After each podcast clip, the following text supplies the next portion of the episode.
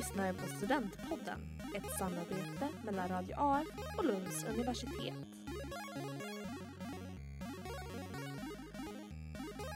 Hej och välkommen till Lunds universitets Studentpodden.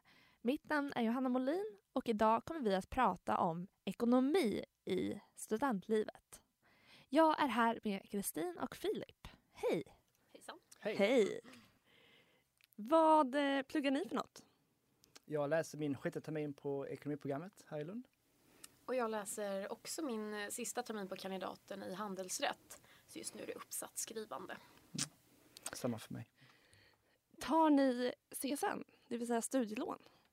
Jag gör det. Eh, och det har jag gjort sedan min första termin. Alltså så fullt. För man får en bidragsdel. Mm. Jag tror den är den typ 3000 kronor. Något sånt är det. Ja, men ungefär. Lite mer. kanske. 3 och tror jag. Ja, någonstans. Och sen så är det ett lån också man kan ansöka om.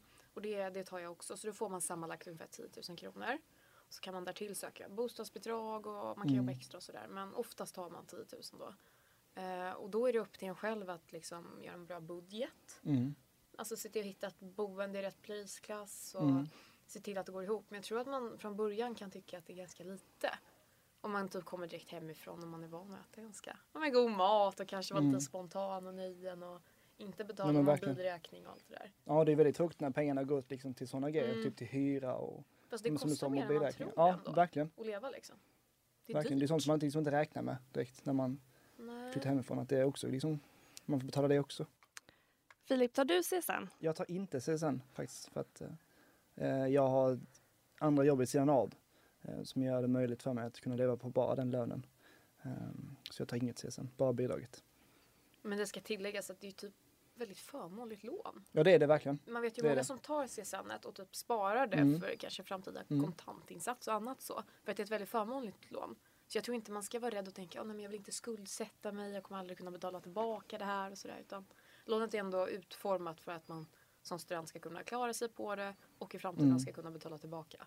Ja det är väldigt Så förmånligt det är lån. jätteskönt att Mm. inte ha lån men det är kanske inte är jätte big deal heller att ha det. Nej, Det är verkligen liksom inte. hanterligt. Hur söker man CSN? Det gör man via CSNs egna hemsida. Eh, Så kan man väl söka två terminer åt gången va? Det rekommenderas för då blir Ja. gränsen lägre för vad man måste klara. Av poäng. Alltså CSN har liksom en, eh, en standard som man måste nå upp till. Som är lite snällare första terminen. Och sen så handlar det om att man då måste klara sina tentor helt enkelt. Eh, Och det beror lite på, jag gör bara 15 poängs tentor. Så jag måste alltid klara 100% 100%. Men du gör ju mindre tentor. då. Jag gör mina tentor Så på ju typ- 4-5 poäng. Så du kan ju typ kugga en tenta och ändå Mm. liksom få ditt CSN, inga problem. Exakt. Men kuggar jag en på 15 HP, då Mm. blir det kärvt i Då kassan. Liksom. Mm. Ja, sök två terminer åt gången. Ja. För då blir gränsen lägre. Om man då bara väljer att plugga en eh, frikurs, en fristående kurs. Mm. Eh, hur, hur kan man tänka då? För då kanske man inte vet om man ska plugga i två terminer eller en termin. Så man kan ändå söka, man kan ju söka en termin också. Men då ska man ändå veta att gränsen kommer bli tuffare att nå upp till. Eh, Mm. Och om man gör avbrott så är det nog bara att ringa dem. Men det är ju först efter nästa termin dock. Alltså om du bara ska Ja. plugga en termin och vet om att du kommer ta paus eller någonting efter det. Mm. Då spelar det ingen, inte någon stor Nej. roll för att du måste ju ha de här procenten eh, uppklarade till nästa gång du söker CSN igen. Exakt. Eh, Men det är ganska flexibelt. Man kan också Ja. bara ringa. Nej men nu har jag slutat plugga. Så nu, ja men och exakt. då får man något kravbrev. Att, men då får man kanske se vad man var berättigad till och få betala tillbaka en viss andel. Mm. Skulle ni säga att det är lätt att eh, söka studentlån? Det Ja. känns ju som en ganska stor grej. Det här är kanske de flestas absolut första lån och det låter som en väldigt stor grej. Mm. Skuldsätta sig för livet. Ja Härligt. exakt. Ja. Nej men det är ju enkelt. Jag tycker det är väldigt lätt. Ja. Det är bara liksom logga in med sitt bank, eh, bank-id på, Bank. Och på sen måste man bekräfta ju när Ja. terminen drar igång så ska man in och vad heter det, studieförsäkra. Och då kommer pengarna betalas ut liksom. Mm. Eh, och de är väldigt flexibla att göra med. För jag vet någon gång så har jag varit sjuk och man har haft sjukintyg och varit på utbyte och man har sökt fel typ av hej och hå. Men alltså, det går alltid att lösa. Mm. Det De har ju väldigt, det väldigt eh, bra liksom, eh, guider, eller vad man ska Mm. kalla det, på Det deras finns egna hemsida. filmer. Ja, exakt. Så man, om man är nöjd så kan man kika på dem också. Så får man ju, eh, Guidad tur. ja men exakt. Men hur spenderar ni då era pengar? Har ni en budget eller är det lite hipp som happ? Är det olika varje månad? för mig är det lite hipp som happ faktiskt om jag ska vara helt ärlig. ibland går det jättemycket pengar åt, åt, åt mat, ibland eh, mer pengar till nöjen. Eh, så lite från månad till månad vilken, ehm, vilken typ av situation man kan kalla det som jag är i. Om det är liksom mycket plugg och väldigt intensivt, då går det mer, mycket mer pengar åt mat. Eh, mycket snacks när man sitter i skolan. Mycket chips. Ja, är man kan beställa en annan pizza i veckan. Man hinner inte laga så mycket egen mat själv. Medan andra månader där det är mer, eh, ja, mer fritid liksom, eh, det är inte så lika ins- intensivt, eh, så går det mer pengar åt nöjen och mindre till mat för då kan man ju laga lite, lite mer mat själv. Mm. Mm, jag håller med. Men jag har typ en ganska fast budget. För jag har en hyra på 4 000. Jag har en etta uppe i Norra Lund. Och så typ när jag har betalt den så brukar jag ändå så tänka, ja men den här månaden ska jag på bal. Då kanske balbiljetten kostar en tusenlapp och så någon klänning på det. Eller så man gör alltid liksom en budget per månad. Men inte alltid samma budget. Men jag brukar typ, alltså jag snålar alltid in på maten för det är så tråkiga pengar. Får jag välja mellan att köpa en snygg balklänning och liksom, jag vet inte, köpa nyttig mat. Så då köper jag lite så järntabletter istället. Och så lite havregrynsgröt, lite nudlar, filmjölk och müsli är bra, knäckebröd. Man kan gå på nation och äta en lunch för Ja, typ men verkligen. 35 kronor. Alltså det är inte dyrt att leva i Lund. Det är väldigt enkelt att leva billigt. Och typ Mm. studentrabatten, alltså överallt. Ja, det handlar bara om Ja, för menar var du än går så får du ju, ja, men, säg 15% rabatt. Så Ja, men exakt. vanliga kedjor får man ju rabatt. Eh, så det går verkligen att få runt det.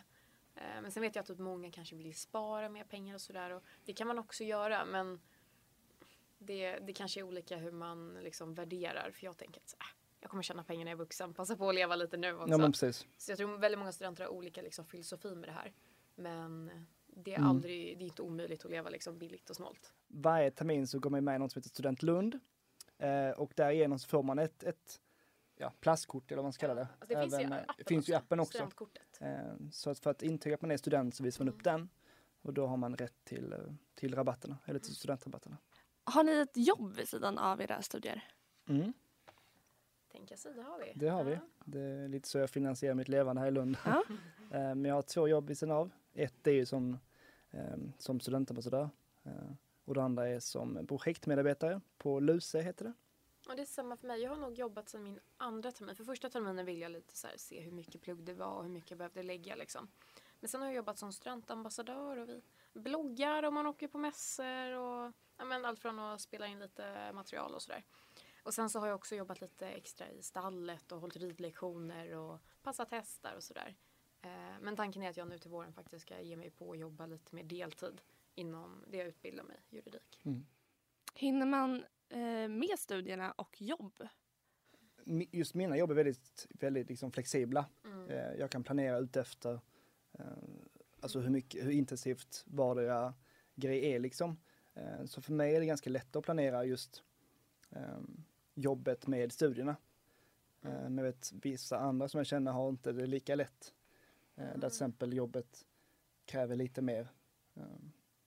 Det är ju dem. lite också det här man har typ mycket grupparbeten. Det har ju ni Mm. mer än mig. Jag gör ju Mm. allting individuellt. Men har man typ grupparbeten så kanske det ändå krävs att man är men på en viss plats vid en viss tidpunkt med eh, ett gäng personer. Och då är det klart det är svårt att liksom, ah, nej men jag ska gå och jobba nu.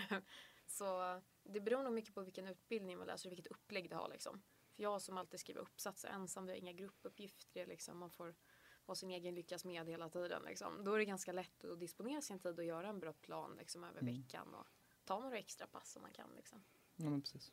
För det är alltid skönt att få lite extra i slutet av månaden. Ja, spendera lite mer. Spendera lite Mm. mer. Lite mer chipspåsar och sådär. Ja, exakt. Det viktigaste är att, att se till så att det ena inte går ut över det andra. Eh, tänker jag i alla fall. Mm. Det är väldigt viktigt för mig när jag Mm, så lägger sant. upp mitt, mitt arbete med mina studier. Eh, för jag vill ju verkligen inte jobba för mycket. Eh, så att det liksom ska gå ut över mitt studieresultat. Eh, för det är ändå det som är prio, det är liksom lite därför jag är här. Mm. Eh, är för att kunna, ja exakt. liksom. Mm. Eh, så det är mitt viktigaste tips att, att se till att jag inte gör det.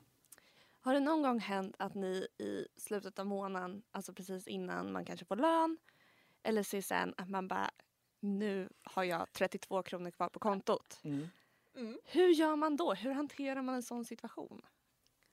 Alltså, om Ja. man har fler antal HP i Ladok än pengar på Ja, kontot. exakt. då finns det bara en sak att göra och det är nudlar. Ja. Och havregrynsgröt. Kolla vad man har i frysen helt enkelt. Det brukar alltid ligga liksom lite mat längst in eh, som man gärna inte tar ut när man har lite mer pengar. Jag tänker typ så här ja, varmkorvar och allt vad det Mm. kan vara.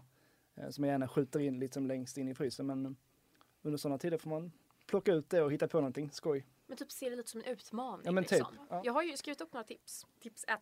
Handla billig mat. Då går man till typ någon så här billighetsbutik och så är man kortmedlem. Och sen så lagar man matlådor på det här. Men sen tycker jag också man kan dels sälja kläder och sånt på Tradera och Blocket och så. Så balklänningar Mm. och sånt här i Lund är väldigt sådär. Men man kan sälja saker när man inte använder dem längre. Och man kan låna av kompisar. Och använda studentrabatterna. Panta kan man göra också. För efter Ja. förfester, det är ett bra tips. Om du anordnar en förfest eller någonting sånt där. Eller valborg eller vad man nu gör. Panta. Nej men det var några tips. Toppen. Tack så mycket för att ni ville vara med Kristina och Filip. Tack själva. Tack själv. Du har lyssnat på Studentpodden. Ett samarbete mellan Radio AF och Lunds universitet.